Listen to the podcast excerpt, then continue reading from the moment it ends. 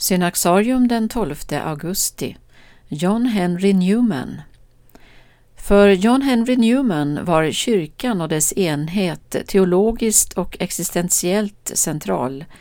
Korset i hans liv var erfarenheten av splittringens smärta, vart han än gick. Newman föddes år 1801 i London som son till en välbärgad bankman. 15 år gammal hade han en omvändelseerfarenhet och räknade sig därefter som evangelikal. Det var särskilt kalvinismens tankeskärpa som attraherade den intellektuelle ynglingen.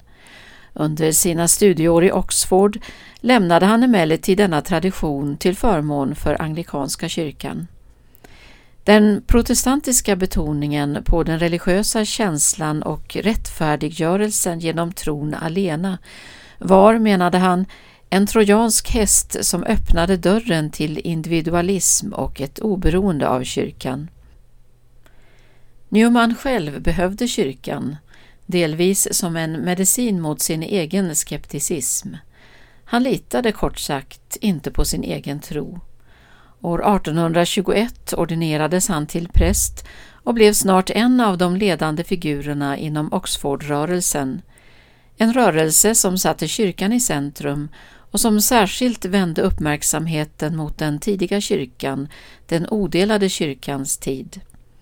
Newman drog fulla hus som predikant och formade genom ett ihärdigt skriftställarskap det teologiska samtalet i England under ett drygt decennium. Samtidigt växte en tvekan hos honom. I sin ungdom hade han betraktat katolska kyrkan som den stora skökan. Nu drogs han dit, till gemenskapen med sina historiska syskon, kyrkofäder och martyrer. År 1843 lämnade han poster och positioner och drog sig tillbaka för en tid i bön och eftertanke. Efter att ha levt så i två år upptogs han i katolska kyrkan. Reaktionerna lät inte vänta på sig. Vänner vände honom ryggen, han hånades i media och anklagades för landsförräderi. Samtidigt visade sig katolska kyrkan vara allt annat än en okomplicerad hemkomst för den tveksamme konvertiten. Under dessa år rörde sig Rom i en reaktionär riktning som Newman stod främmande inför.